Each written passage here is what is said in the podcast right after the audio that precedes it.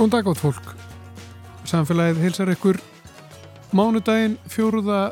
desember og það eru Arnildur Haldunardóttir og Guðmundur Pálsson sem eru umsjónamenn. Ímislegt framöndan hjá okkur í dag. Rúmar þrjár vikur eru nú síðan Grindavík var rýmd í snatri. Það hefur ímislegt gengið á síðan, ímis vandamál sem að hefur þurft að leysa. Grindvikingar fá nú að fara heimi við daginn, fyrirtæki hafa fengið að hefja starfsemi og ný. En foreldra leikskólabarna eru en frekar bundnir og sumir grindvikingar enn í húsnæðiskrökum. Við förum yfir stöðuna núna með fannari Jónasinni, bæjarstjóra í Grindavík hér réttu eftir. Við fáum heimsók frá sapni Rúf eins og svo oft áður. Helga Lára Þorsteinsdóttir, sapstjóri, kemur til okkar með skemmtilega upptöku frá árunni 1958 þar sem verður að velta fyrir sér jólahaldi.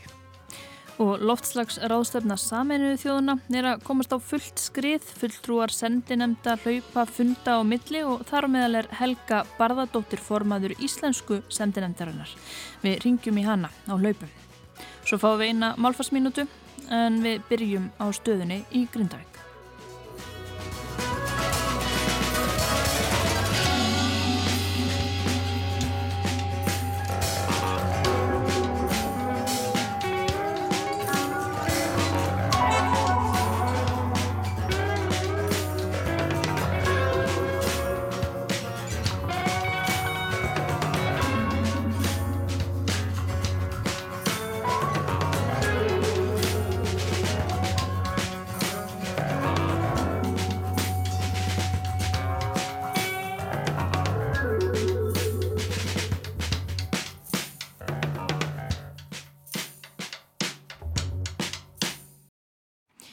Hann er sestur hérna hjá okkur Fannar Jónasson, bæjastur í Grindavík. Velkomin. Já, takk fyrir. Núna eru komna rúmar þrjár vikur frá því að já, þessar hamfarir áttu sér stað, þessar allavega félagslegu hamfarir að bærin var rýmdur í kvelli. Hvernig er staðan núna? Hvernig metur stöðuna? Við höfum nú verið að, að um, fyrst og fremst leggja áherslu á það hvað var það svona framkvæmda hliðina að uh, skoða frávitunni hjá okkur, það er segja skorpið. Það er Grindavíkur sem hefur með það að gera sem og kaldavatnið. Uh, kaldavatnið fóð nú af um það byrj halvum bænum en það búið að gera heilmiklar endurbætur þar á eða viðgerðir þannig það stýttist í það að mig segja allur bærin, bæði í bóðurhúsnaði og atvinnuhúsnaði verði komið með kallt vatn. En frávitan hefur nú verið kannski meira vandamál, það er erfið að átta sig á því nema að, að mynda e, rörakerfið sem ennum búið að talsverðin hluta þar að sé að stopna þarnar og í ljósögu komið að mestar skemmtir eru svona miðbygg bæjarins þar sem að núna verði að leggja miklu áherslu á það að, að færa um, e, frávituna frá einu stopnæða kerfinu í vestartíbænum og yfir á eistrakerfið vegna þess að það var mikið, voru mikla skemmtir hérna á þessu svæði og Þetta er heilmikið verkefni, tekur kannski tíu daga eða rúmlega það. Og uh, að því loknu þá teljum við að megin stopnaðar eh, frávitunar séu í þokkalögu lægi og uh, áður en að því kemur þá er náttúrulega ekki hægt að hvorki uh, nýta frávitu eða, salerni frá íbúrhúsum og ekki, ekki atvinnuhúsneði heldur. Þannig að það er mikið lágast að lögða á þetta. Við vitum hins vegar ekki hvernig ástandið er á einstökum uh, lögnum í lóðunum, þar að segja frá íbúðarhúsunum sjálfum út í stopnaðarnir í göttunum og þá ættir að mynda það og er heilmikið verkefni og kannski íbúðarnir sjálfur verða auðvitað vistættir og annars þetta en, en við vonumst til þess að hvað fráveitunum varðar að hún verði komin í þokkvöli stand svona þegar það kemur fram í, miðan mánuðin. Um, það er oftur á móti veitu hérna fyrirtækin, H.S. Orka og H.S. Veitur sem annast Eh, heita vatnið og rámagnið og það er í ágæti standi núna má segja en auðvitað er sumt kannski komið nokkur með eina þólmörkum þannig við vitum ekki um, nema það geti svona stökur stað haldið áfram að, að gefa sig að bila en það er enþá reyfinga á landinu þarna og fram að því að, að það hætti að þá má þetta búast við einhvers konar bilunum á, á vissum stöðum og það er sama með fjarskitafyrirtækin þau er ennast náttúrulega ljósleiðaran og símakerfið og það er einhver leiti laska líka þannig að þetta er, er að mörg að higgja. Já, Og já, fólk má núna fara og vera já, frá 7-5 heima hjá sér og, og fyrirtæki með að vera starra til klukka nýju á kvöldin. Já, það er alveg rétt. Er, en enginn getur farað á klósetti? Nei, það ekki, ekki nema það sem að búið. Það eru nokkra götur, sérstaklega hérna við hafnarsvæðið og, og svona fleiri og fleiri götur sem eru taldar orðnar hérna, undir það búnara. Það sé hægt að nota öll þessi kerfi okkar. En fram að því verður fólk að, hvað þessu haldi í sér. Um, það er engi sem að engum heimilt að gista þannig við nóttu þannig að það er nú ekki, fólk dvelur yfirleitt ekki lengi á staðnum en, en fyrirtækin þau eru nokkur komin af stað með sín rekstur nýta fastegnir og búna sem eru á staðnum til þess að bæði til dæmis vinna úr fiskaförðum og, og þjónustu fyrirtæki kringum sjáarútegin og vinslunar en og það er með að við það er mitt frá sjómotni til fimm síðdeis eins og segin en síðan hefur verið veitt ákveðin heimil til þess að framleggja þennan opnunatíma hjá fyrirtækjum til dæmis til þess bara að, að uh, þrýfa eftir hérna, vinslur dagsins og svo framvegis tæki og tól þannig að það hefur verið smá saman að opna meira á, á þennan uh, viðveru tíma þarna í, í bænum. Já, og hvernig líður fólki þetta núna? Nú er þessi atburður eins og, og Jærvísindamönnum er damt að segja, hann er enn ekki búinn en líkunar á gósi hafa farið minkandi. Er fólk svona örugar að líða því betur í bænum? Já, ég held að með segja það og, og um, fólk sem kemur heim og heimur nú kannski hugsa með sér að hvort að eigi yfirleitt aftur kvæmt og, og ef húsin eru í lægi og fólk bara getur svona notið að því stundarinnar að vera heima þess og einhverju klukkutíma þá koma nú flestir bara ánaðir á nýja leik eh, á þann stað sem að tímabundi við eh, dveljum snúna Þannig ég held að það meði segja að, að svona ástandið hafi nú batnað frá því sem var á sínu tíma. Það er vísu landris við svartsengi ennþá. Og við syndum að vakta þetta mjög vel og við för, gerum ekki dana en að fara þeirra ráðum hvað var þar viðvöru og alla möguleika á einhvers konar um, útvíkuðum tíma til dvalar heima. En, en það er orðin, svona staðan er betri heldur en var auðvitað og en fólk er svo drift svo, svo við það sko, það eru ég var einmitt að tala við skólastjóran núna fyrir helgina og hann saði það væru nefnendur frá Grindavík í grunnskólanum á meirinn, í meirinn 60 skólum viðsvegar og sveitafjölugin þar sem að nefnendurnir eru og þar með forraða með þeirra og foreldrar eru norgast 30 Já, þannig að fólk getur eftir um allt það er mentor, hann heldur náttúrulega utan í, í, í, í hérna, mentor skólakerfinu við, það, er, það er svona að segja sína sögu hversu við að fólk er bara búið að setja sér niður reyndum all land. En um, langflestir eru auðvitað á höfðborgarsvæðinu svo á Suðunasjum en um, svona er staðan. Já, og sko þeir sem sveitar félag hvernig er að starfrækja sveitafélag og íbúðanir komnir svona út um allar trissur og meira segja sko skrifstóra starfsemi sveitafélag sem sér á mörgum stöðum eða ekki? Náið einhvern veginn bara að halda utanum allt og hafa yfir sín. Já, ég myndi segja það. Við njótum náttúrulega mikillar velvildar hvað sem við komum og, og, og fyrir umhverði svo margra sem, sem haft þeir sambandi við okkur og búin alls konar aðstóð. Við gátum starta stjórnsýslinu okkar strax bara á, á þriðudeginum eftir hérna, þessa örla ríku helgi þarna og erum í Ráðhúsur Reykjavík og borgar við, við mjög góð aðstöðu þar. Það er stjórnsýslu og fjármálasviðið okkar og skipilarsviði líka. Og, og síðan erum við með þjónustu miðstöðina í gamla tollhúsinu við Tryggvagötu.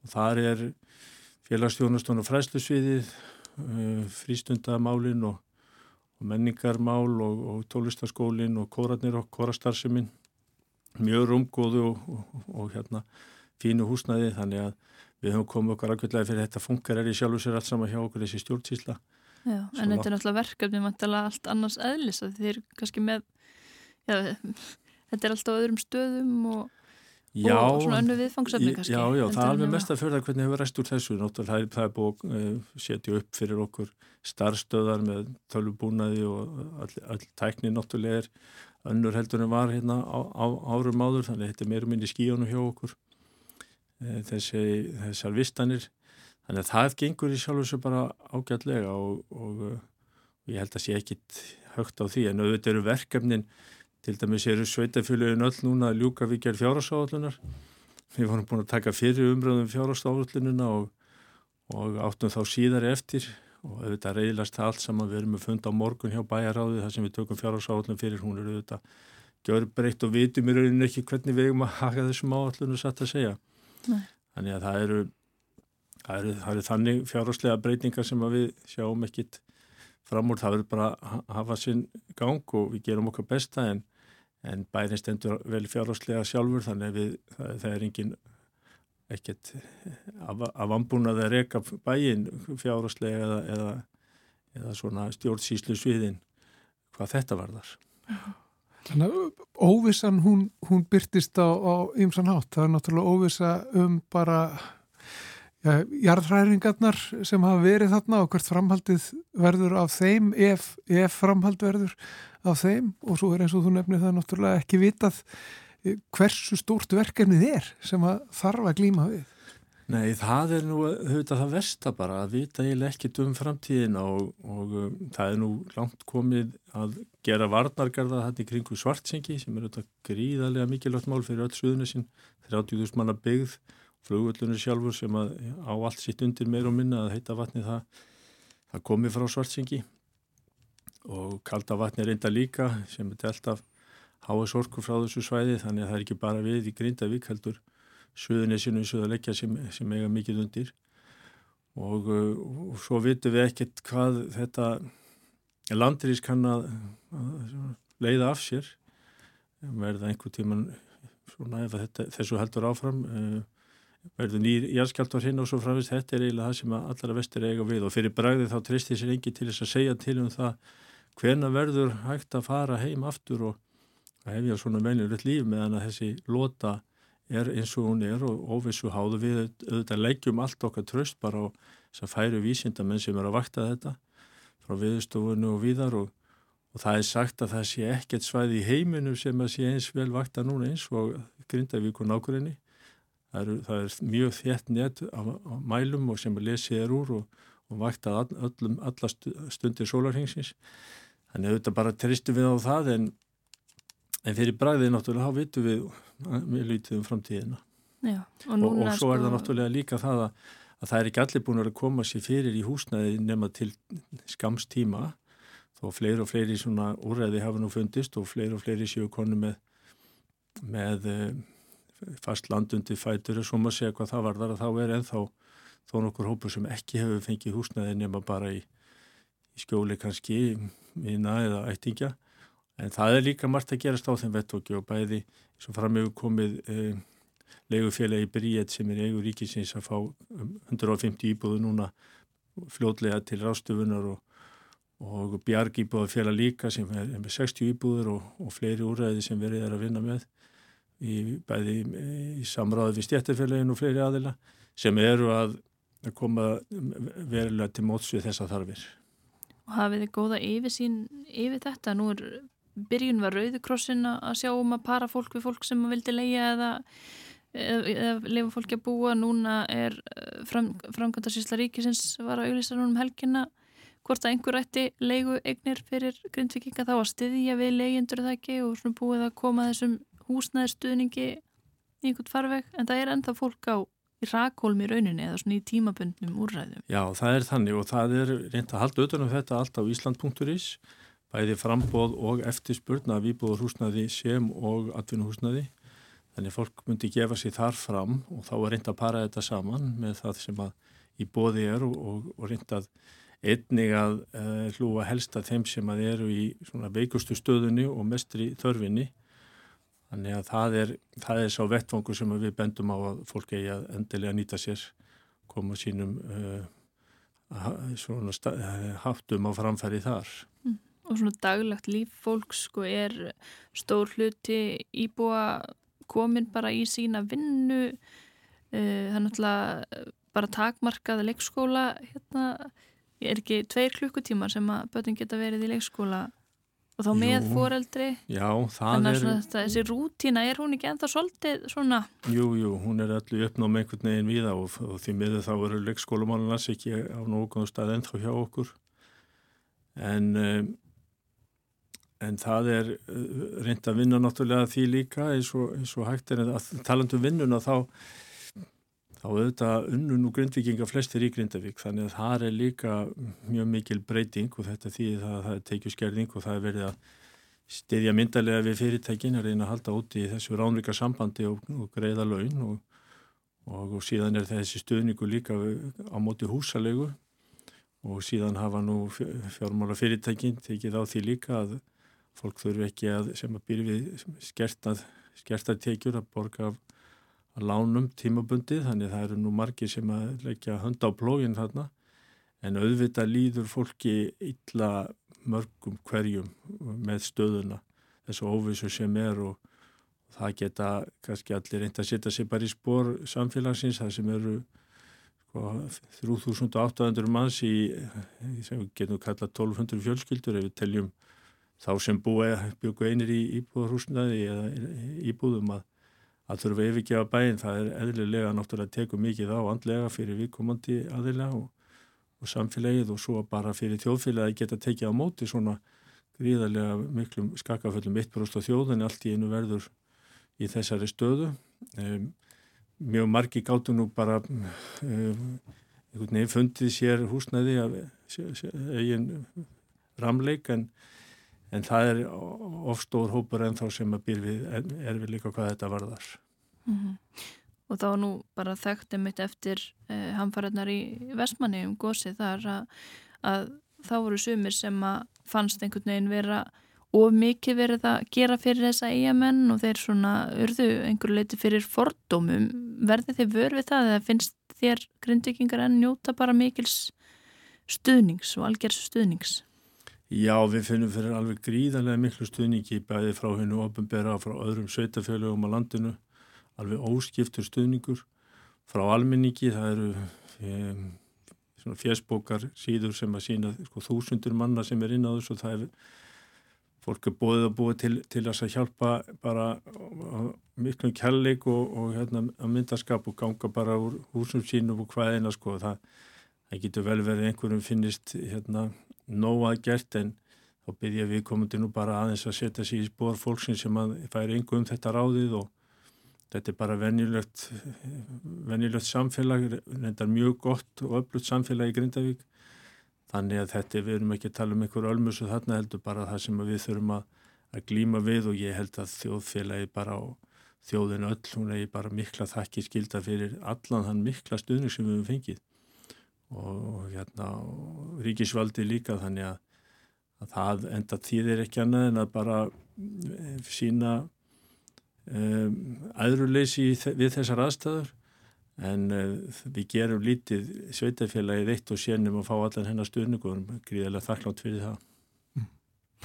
Það er allt samfélagið sem að, sem að þarf að leggjast á eitt aðná og er að því. Já, með mitt.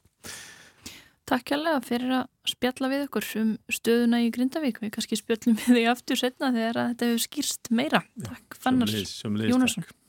Takk.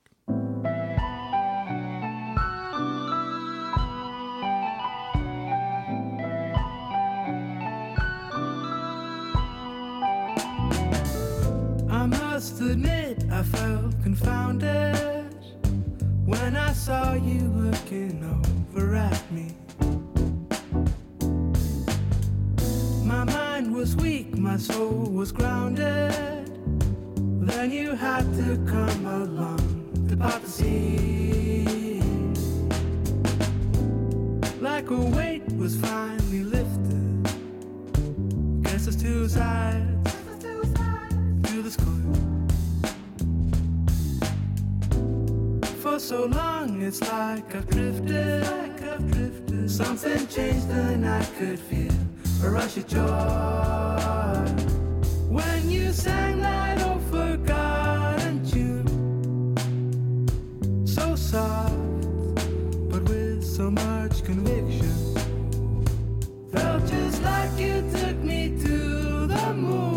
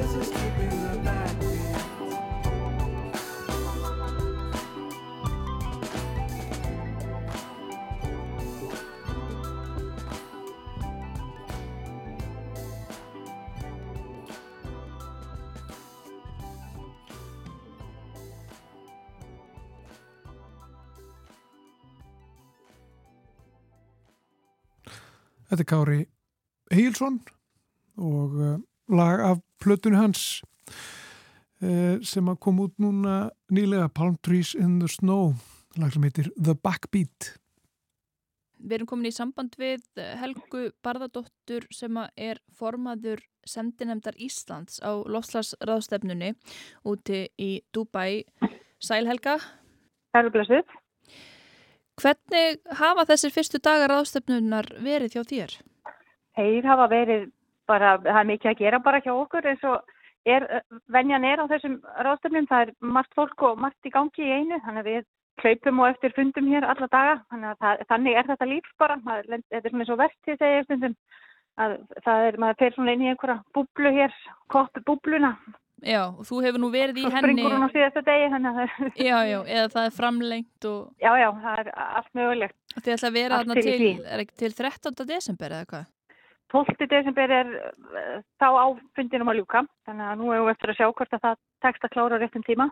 Já, hefur nú ekki gert undanfæðin ár þannig að við skulum, við erum bara haldið vonina með það já, þetta endur oft með einhver svona, hérna, einhverjum ákveðnum punkti sem ekki næst samstaða um eða ákveðinni grein og, og, og þá eru svona Já, það og svefnlösa ræða. nætur. við búist alveg eins við því en það er aldrei að vita maður veit, maður veit þetta aldrei alveg fyrirfram og maður sér það kannski ekki fyrir fyrir bara fyrir þetta fyrir svona á loka metrónum Já, þú talar um kopp búblu, þú hefur verið í þessari búblu áður, þú hefur svona mikla reynslu af því að, að leiða sendinemnd og tilhera sendinemnd Íslands. Hvernig er svona andin á þessum fundum sem þið seti núna miða við eh, fyrri ár? hann er nú bara ágættur og ekkert ólíkur því sem hefur verið undanfærin ár en það sem er er náttúrulega öðruvísi núna þetta er langstærsta kopp sem haldið hefur verið það er hátt í 100.000 manns hérna á svæðinu sem er sko miklu meira heldur en var í fyrra og koppið í fyrra var stærri en þar áður þannig að þetta hefur verið bara stækkar og stækkar með hverju árinu. Hvað skýrir það- það? svona sýnist sitt hverjum.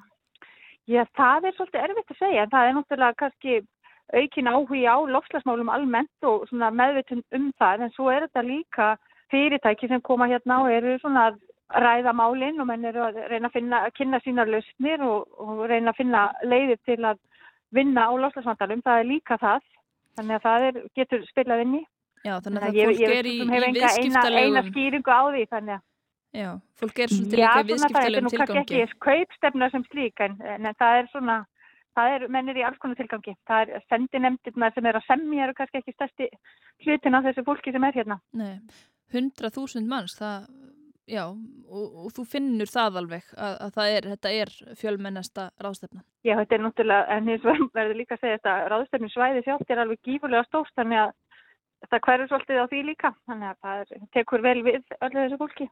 Og það að vera þarna í Dubai, nú hefur Sultan Al-Jaber sem er fórsettir ástöfnunir í ár, hann hefur verið mjög mikið á milli tannan á fólki, nú síðast gömul umæli hans sem hafa ratað í fjölmila um að það þurfi ekkit endilega að draga úr nótkun jarðefna elsnettis og að það að hætta nótkun þess myndi bara senda okkur aftur í, í hellana. Hefur þetta mótað svona andan og, og já, andrusloftið á ráðstöfnunni? Já, auðvitað kemur þetta upp líka og það er náttúrulega stór hluti af umræðinni er hvernig menn taka á því að hvaða orðalag ég maður ná saman um varðandi það að dragu nótkun ólíu. Það er, er þetta stórt og var í fyrra og, og árið þar á þess, þannig það er, ekkit, það er ekkit nýtt og ég veit svo sem ekki alveg hvaða árið það hefur. Við erum, erum í þessu hérna, gífurlega ríka landi sem hefur byggjir allar sín auð á óljuframlösli og við veist ekki alltaf hætta því en þau hafa svo sem líka hér verið í miklum fjárfæstingum í endur nýjalur orku, það kemur líka til en eins og heldur óljuframlöslan áfram þannig að það kannski dugar ekki til þó menn séu líka í þessum uppbyggingu á, á endur nýjanlegar orku en það hjálpar það. En ég, ég verða viðkenni, ég átta mig ekki alveg á því hvaða áhrif þetta mun hafa inn í, í fundarhefbyggin svona þegar að dregu til tíðunda í lokinn en þetta vissulega hefur þetta kemur upp vissulega. Og maður hefur svona á tilfinningunni að þetta sé svona svolítið formlegt allt í kringum þessa sendinemdir og þeirra, þeirra fundi og svo eru kannski einhverju baktjaldafundir þá meðfram það sem maður umverulegar ákvarðanir eru teknar eða, hvernig er þetta svona? Já, það getur alveg verið að það sé eitthvað, ég svo sem er ekki mikið í bakkjaldamakkinu en eh, sko formfundan er, er í frekar í förstum skorðum þannig að það er ákveðin dagskrá sem farið er eftir og fundað eftir fundað um hvert dagskrálið en svo er það svolítið misjand bara hvernig, hvað minn komast áfram með, með texta í einstökum málum og hvað ber mikið í milli sem hefur áhrif á það hvað hlutinni ganga vel. Eh, hvaða texta er núna verið að, að kljást um? Hvaða, hvaða áherslu atriði eru þau mest að skoða núna? Stóri málin á þessu koppi núna er hinn nattræðina stöðutaka eða Global Stocktake sem er inskrifað í Parísasamningin eða gera á fimm ára fresti og þetta er núna í fyrsta skipti eftir að Parísasamningurinn tók gildi sem að þetta er fyrir stað og eh, það skiptir náttúrulega, þetta hefur forðað með skildi hvernig þetta tiltakst núna því það verður hort til þess í framhaldinu. Og það er náttúrulega oft með ákvarðanir og það er ekki alveg fyrir skrifað nákvæmlega hvernig á að útværa þess. Þannig að um það er menn svolítið að takast hvað eigi að skrifa mikið, hvaða leiðbynningar eigi að skrifa inn í þessa ákvarðin til dæmis varðandi uppfærslu á næsta hérna, landsákvarðaða markmiði eða séð sem er nota yfir það fyrirbæri sem er, er, er í rauninni þau lofar sem að ríkinn setja fram um, um samdráttur lúsum. Þannig að það er í rauninni tekist á það hvort að það eigi að vera alveg fyrir skrifa hvað þið að gera eða hvort að það eigi bara ekki að vera neinar stífar leifinninga með það og þá takast mér náðum það að, að það sem hefur verið skoða sínir klárlega fram og við ríkinn hafa ekki gert nægilega mikið til að standa við markmiðið Parísasamningsins en á hinbóin byggir Parísasamningurinn á, á því að menn, þetta eru sjálfs ákvörðuðið framlögum, þannig að ríkir sjálf sem að ákveði hvað þið gera. Þannig að mein, þá eru mörg ríki sem vilja meina það eigi þá ekki að vera að segja þeim fyrir um hvað þið gera. Þannig að þetta er svona, þetta er ekki alveg einfalt. Já, þannig að þetta er svona spurning um hvort að landsmarkmiðin séu þá sem hafi verið gefin út, hvort þessu bindandi eða ekki og hvort að megi þá ákvarða einhverja leið til þess að veita vist aðhald þá bara allavega, það eru ekki einn viðlug við því að standast ekki markmið eða fara ekki eftir þeim. Nei, en það eru rauninni sko, það, þó við lítum á það að landsákvöðu markmiðin séu bindandi, en þá, þá þau sem hafa verið sett fram núna, þau dög ekki til að halda okkur innan við einu og einu og hálfa gráðu hittnum frá, hittnum jarðar frá því, frá því inn, innvæðingu en sko spurningin er hvort er þetta setjingur fyrirmæli um að herða þau þannig að við komumst á rétta braut Já, og það, það er rauninni það sem er að, er að fást um núna. Þannig að nú er kannski verið að velta því fyrir sér hvort að það er að færa, breyta eðli samkominnlagsins. Nei, nei, nei, nei, það er ekki verið að tala um það. Það er, hérna, það er rauninni ekki, sko, meðal ætla, ætla náttúrulega að halda sig innan, en það er kannski hægt að tólka þetta á eins og vegu. Þannig að alls ekki að breyta samkominnlaginu og alls ekki að taka endur taka neinar greinar upp til endursamnings, alls ekki. Það er, það, menn eru mjög, hérna, ákveðni með það. Það er, það er ekki máli. Já, en grunn, grundvöldurinn er, er náttúrulega þessi tala einu hálf gráða og, og spurning þá um mitt hvernig ríki geta aðlagað sín markmið þannig að það sé raunhafi möguleiki sem það er náttúrulega ekki núna. Já, það er ekki eins og staðan er akkurat núna en, hérna, en við verðum samt að halda í vonina. Ég held að það sé það sem við verðum að gera. Það er, hérna, það er ekki annað hægt held ég. Vonin, er hún þarna, situr hún með til borðs á ykkar fundum eða eru þið Já. meira bara í svona form, Já, já, já. formsatriðum? Við erum náttúrulega mikið í formsættriðum en vonin er svona undirliggjandi í öllu. Ég vil meina það. Hérna. Þið væru kannski ekki að fara í svona marathón ár eftir ár nema, nema þið svona byggjust við þetta gæti Nei, held eitthvað- eitthvað gott í för með sér. Og eru einhverjar svona greinar, var ekki búið að útkljá flest svona orðalags, hérna, deilur um orðalag í, í greinum samningsins og, og hérna, sjöttu greinin og allt það? Já, sjötta greinin er svo sem enda, það er kannski ekkit mikið, það er bara enda í samningaferðli svona loka útfærslan á sjöttu greininni. Hvernig eigi, að- þú veist, það er svona orðin bara mjög tæknileg vinna sem er, þú veist, það er svo sem kannski er ekki allir sammálu um útfærslun á því en það er engin, engin ekki tart tekist á það, menn eru bara enda að koma sér saman um hvernig væri best að gera hlutina.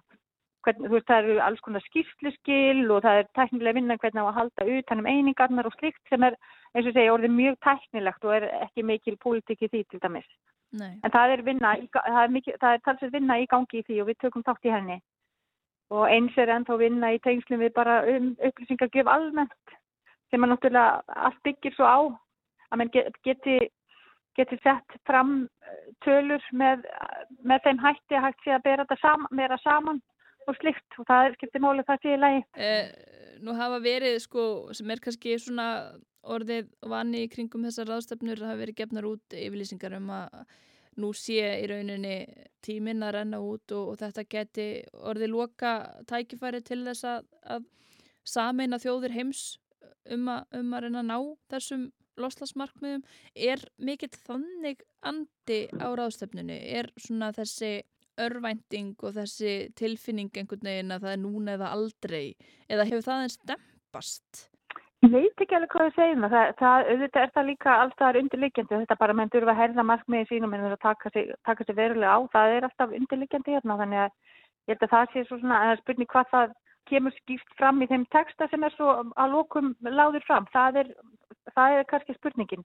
Mm og eins þetta með, með ólíuna hvernig það verður tekið á því í textum. Það er, ég held að gera sér allir grein fyrir að það þurfa að draga úr ólíu hvað sem hann segir allt hjá bar þá held ég að það sé nú svona yfirgnafendir meiri hluti fyrir því að sem átt að segja á því að það þurfa að draga úr, draga úr ólínótkun en það þarf náttúrulega eitthvað að koma í staðin og það er misauðvert fyrir ríki að skipta út orkugjöfum. Þannig að það er eitthvað sem að, hérna, þarf líka að taka tillit til og er líka mikil umræða um að það sé þetta, þessi umskipti verði réttlátt og þau, þau byggi þá ekki á því að, að það verði einhverjir algjörlega undir í þessum umskiptum. Það er líka mikilvægt að, að, að taka það með, þessi réttláttu umskipti sem að Já, koma við. og þessi hamfara loftslags, loftslags hamfara sjóður, hann náttúrulega liður í því sem við höfum gefið það út að að Ísland ætla að gefa 80 miljónir í ári. Já, en það er náttúrulega líka bara, hérna, við hefum kannski átt að byrja á því að það var setti náttúrulega góðan tón í upphaf fundar að, að það skildi takast samstæðu um að ganga frá sjóðunum. Þetta er í rauninni umræðu sem að tók mjög mikinn tíma í fyrra.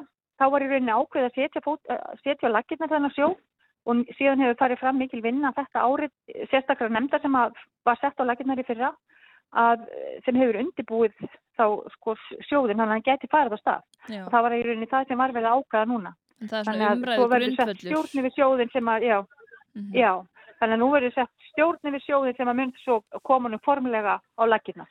Já, þannig að þessar er átakalínu núna. norðurs og söðurs eða, eða vestrana heimsins og, og hinna sem finna kannski meira fyrir afleðingum lostasbreytinga, þær hafa verið, ekki verið jafn mikið í sviðsljósunu þá núna út af þessu. Það eru kannski alltaf auðvitað hjálpar þetta mjög mikið til. En þetta er eins og bara hluti af vandanum. Þetta er í rauninu til að styðja við þá sem verða fyrir sko ofur hamförum.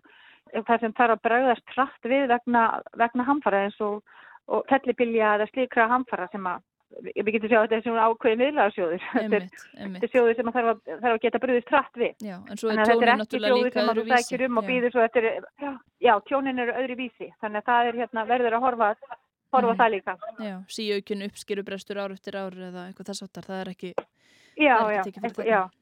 Að lokum bara Helga, sko, hver væri svona drauma niðurstaðan því að nú hefur þetta verið svolítið gegnum gangandi að það er þessi mikla text að vinna, þetta þunga stóra skjál með ótal ákvæðum og það er verið að hræra í textanum og, og svo stundum hefur verið komin fram einhver svona svolítið rótæk eða metnaðafullt orðalag og svo er það svona útvatnað í lokin til þess að ná samkomulegi.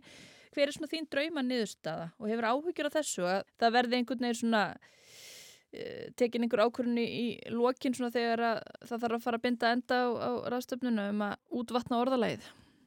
Já, það er svo sem kannski alltaf hægt á því. Það er spurning hérna, auðvitað væri dreyma, dreyma niðurstæði, menn getur komið sér saman um einhvern, líka spurning hvort það væri hægt að setja einhvern, tí, einhvern tímafaktor á útfjöðsun olíu eða eitthvað slíft. En ég hef fulla trú á að það verði reynd að koma þessu, þessu reynd að koma þessu inn í texta núna En eins og ég segir, hér eru allar ákvæðinu teknar, í, í, sko, það er aldrei gósið um niðurstöðu, þannig að það þurfa allir að vera sammála því, sem fer á blað, sem gerir þetta líka flókið og hátt í 200 aðalega sem koma á borðum, þannig að það er ekkert skrítið þó að það sé tekist á. Mér eiginlega bara alveg magnað að það skuli vera hægt að ná samstöðum hlutinu hérna í svona stórum hópi. Já, það, það er, það er hérna. Þannig að ég held að maður verði líka að horfa á það jákvæða sem hefur farið fram og það er líka það sem henni er svolítið að tala um eins og inn í Global Stocktake. Það verði líka að horfa til þess sem þó hefur vel verið gert og við getum líka kannski hugsað okkur hvað hefði gert ef ekki hefði komið til Parísasamlingsins. Þó minn segja að hann hafi ekki alveg gengið eftir en þá hérna, sko, getum við alveg sett okkur í þessu spóri ef ekkert hefði verið gert. Þannig ég held að maður þurfi líka að horfa á það. Já, takk fyrir að spjalla við okkur í samfélaginu um COP28 þannig úti í, Dubai og bara gangið þér vel þar áfram. Já, Vertu takk hella. Bless. Þetta var Helga Barðardóttir stödd á COP28 í Dubai í saminuðu arabísku fyrstadæminu og spurning hvort að verður ástæða til að fagna árangri þar en við ætlum allavega að hlýða á lægið Celebrate með bandaríska rapparanum Anderson Paak.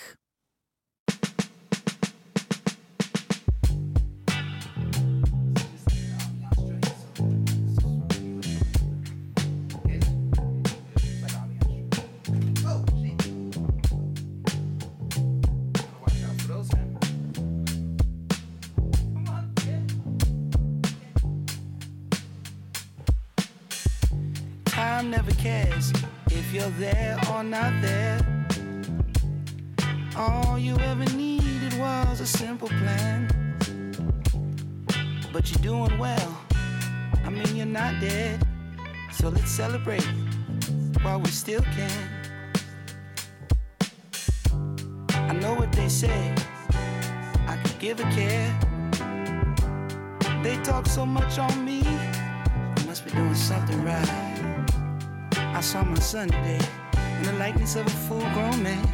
So I'll celebrate while I still can. Ooh, on a clear day, you can see West LA, even downtown. I remember when I couldn't even see the point of stepping out the motherfucking house. Let it go, let it go, let it go, let it go, let it go, let it go, let it came too fast. The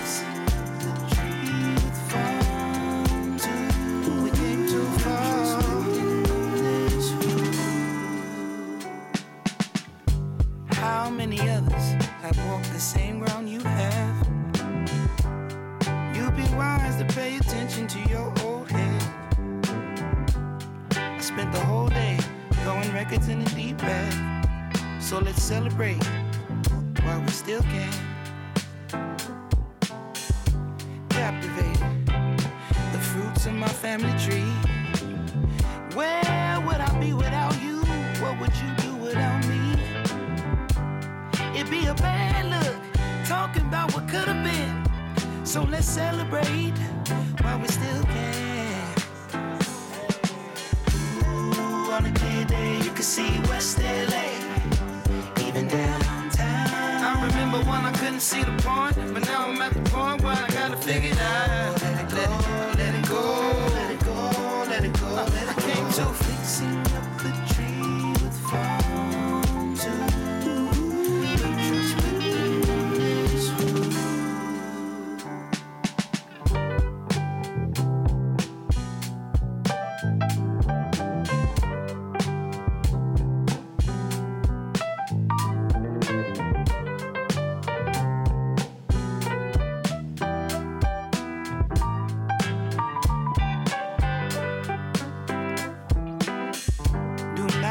concerned about the money in your brother's hand.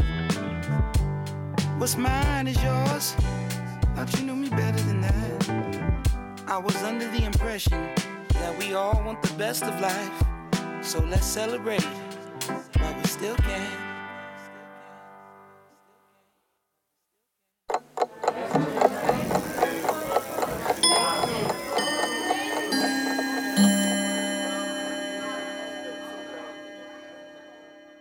Óhætt er að segja að nýjirðasmíð sé hálfgerð þjóðaríþrótt á Íslandi.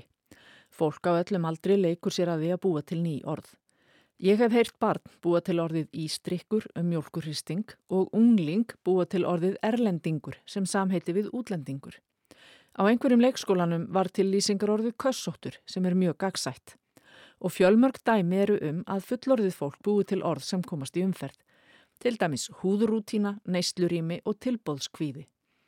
Heilu orðanemdirnar hafa það hlutverk að búa til ný fagorð í öllum mögulegum greinum og síðast en ekki síst er hægt að halda nýjirða samkeppni um fyrirbæri sem talið er að orð vanti um í orðaforða málsins. Mörg dæmi eru um að orð sem send hafa verið í þessáttarkeppni hafi komist í umferð.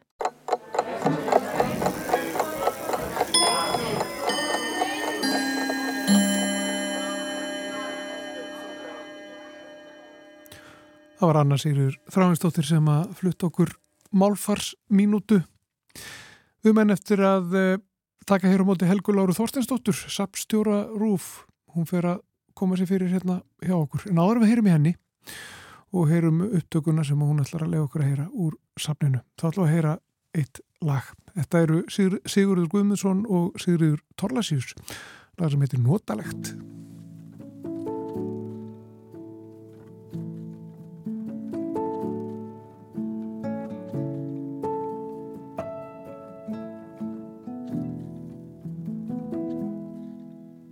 Það er náttúrulikt í náttmyrkrinu, það er nokkuð aukt á veginum. Það er latur maður sem lepur úr pottinum. Það er ilmur af brauði og brendum sigri þessar brandi í essens í staup. Inn í ónefndu húsi aftast í innbænum. Dálítill fresköttur feta sín kunnu spór úr einu skoti annað líkt. Hollasta stíð ekki út af tróðnasta slóðanum. Það eru allir að skottast úr húsi í hús að vera hér eða hérna eða þar. En aldrei aftur á slitnum og bláum batskónum. En ég veit ekki hvaðan veturinn kom var hann að flýta sér í gott partí.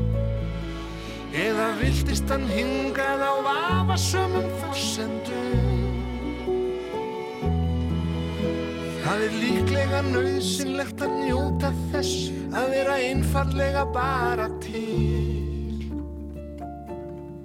Því allir býða, það er upp og snell, allt er galið Það er að koma Og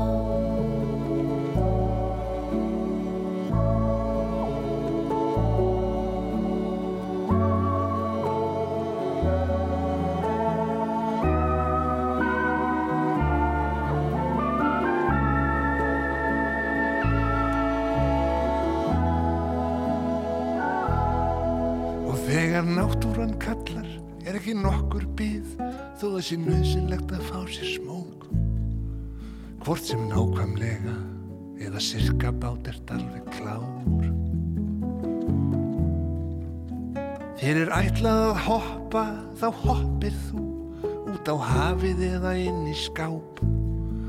Það er ekkert stress, þú hefur allaveg Og kissi finnur sig í þessum fáráða tíma þá er fristiklistan tæmar smá og feta sig fram og aftur sína tróðnu braut. Og allir skreppa upp, já eða springa út og eru annarkvort hér eða þar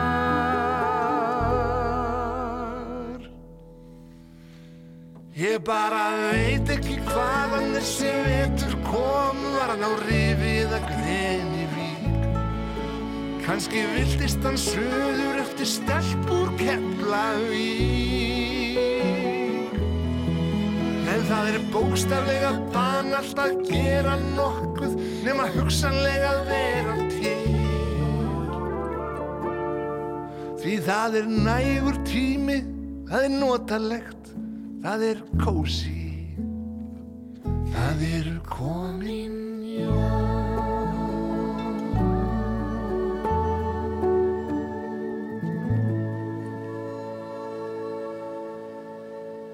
Þá eru sérst í okkur Helga Lára Þorsteinsdóttir, hún er samstjóri Rúf, verður velkomin til okkar Helga Lára. Takk. Hvað ætlum við að tala um í dag? Er þetta uh, spurningaðáttur? Já, í dag ætlum við að hlusta á brot úr þættunum Spurt og spjallað sem var á dagskrá Ríkisútarsins þann 18. desember 1958 eða fyrir 65 árum. Og umsjón þáttarins var í höndum Sigurðar Magnússonar fulltrúa en hér var á ferðinni, jú, eins konar umræðu fundur tekin upp í útarsal með völdum gestum.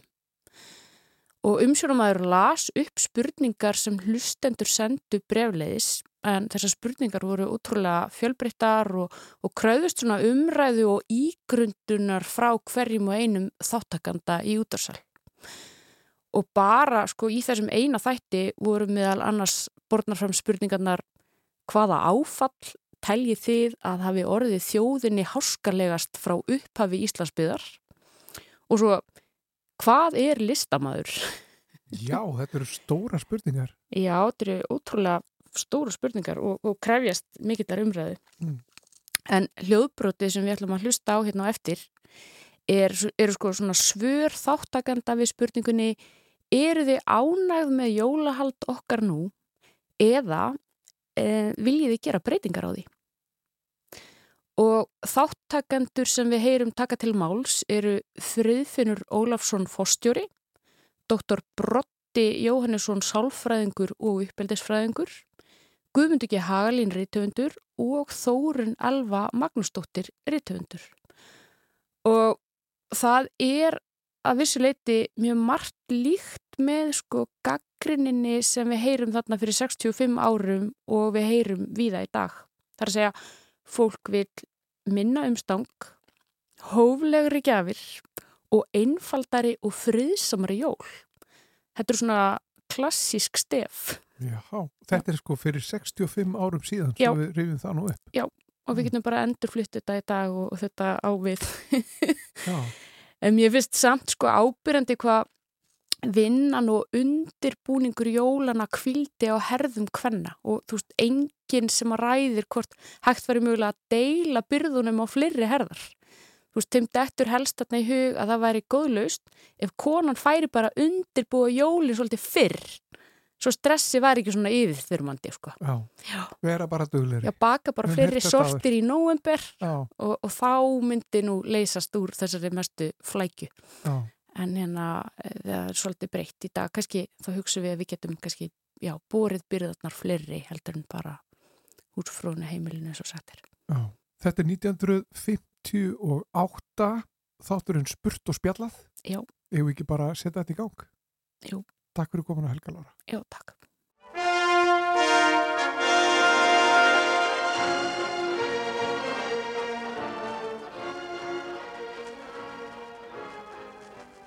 Fyrsta spurningin er þættinum send frá brefriðtara austur í Rángarvallasíslu sem ekki vil láta nafnsins getið. Nokkra skýringar fylgja ég held það séu alveg óþarfar en fyrir því ber ég spurninguna fram alveg umbúða laust en hún er þessi. Er þið ánægð með jólahald okkar nú eða viljið þið gera tillögur um breytingar á því? Ég vil ríkjum fyrst til frú Þórunar og byggjum hana að láta eitthvað uppi um þetta mál. Hvað segir þú um það frú minn góð? Já, ég verð nú að segja það að ég er ekki fullkomlega ánæg með jólahald okkar nú en að gera tillögur um breytingar á því það er nú annað mál. Því að til dæmis finnst mér ekki rétt að draga úr brefaskriftu með jólakveðjum og ekki vil ég heldur að veruleg breyting sé gerð á með jólagjafir nema bara það að hafa þeir ekki óhófslegar en að jólagjafa sinum sé haldið áfram og jólakveðinar eru nöðsynlegar þar sem að flest nútíma fólk er ákaflega lélegir brefritarar og það er eins og það íti við því að senda vinnum sínum kveðju að Mhm. þessi síður er fyrir Ok. jólinn. Þetta var nú gott að heyra. Hvað segir Brotti um þetta? Ertu sammála, Bronni? Já, að flestu leiti mun ég vera það. það er náttúrulega því að jólin eru sérstaklega hátíð barnanna. Þá er það stór galli að vera ekki bat sjálfur, þó ekki að vera nema um jólin, en nú líklega ekki auðvelt að breyta því. Um gjafirnar vildi ég bæta því við að þær eru sjálfsaglar, en minna á það að það er oft auðvelt að gleðja með litlum gjöfum en oft kaupa menn glingur fyrir stór fjö og þetta glingur verður síðar beinlínis til óþrifnaður á heimilum og venur börn beinlínis og óbeinlínis á að fara illa með sína reyður. Já. Friðfinnur? Nú, ég get tekið undir það með þeim sem að hafa að tala hérna undan mér. Nei, Jólinn finnst mér ég, alltaf eins og þau hafa verið, einhver elskulegast að hátíð ársins. Hins vegar finnst mér nú á, á setni tímum og einhver kannski á það við hérna í Reykjavík að sjálft tilefni jólanna hafi nú þokast fjær en meira orðið svonum glís og, og glingur. Nú það má kannski segja að jólinn séu fyrst og fremst hátíð barnanna og kaupmannana. Þeir, eh, nú en kaupmennetni er á sjálfur sér alls góð smaglir og þurfa líka að lifa.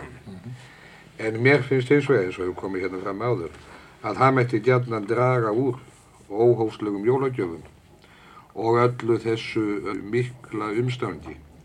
Svo maður ekki tala um það að blessaði húsmaðurnar, það er eins og þeir hafi verið í fangabúðum eftir jólinn. Þeir eru svo illa farnar.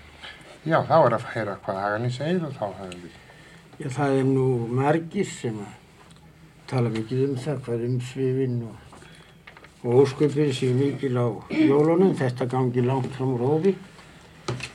En ég held að þetta sé ekkert meira heldur en efni standa til nú, samanborið við það sem áður var. Ég minnist þessi sveitinni að það var mikið gert fyrir jólinn, húsin voru snýrt og það var bakað og það var soðið og það var uh, skamtað stórt og, og borðað mikið og drukkið mikið og svo skemmti fólk sér eftir því þannig að það hefði ástæður til eins og kosti á stórum heimilum. Hitt er annað mál þar sem þegar vikið að með jólagjafinnar. Ég hygg að sumir bindi sér jafnvel fjárhagsbakka með þeim.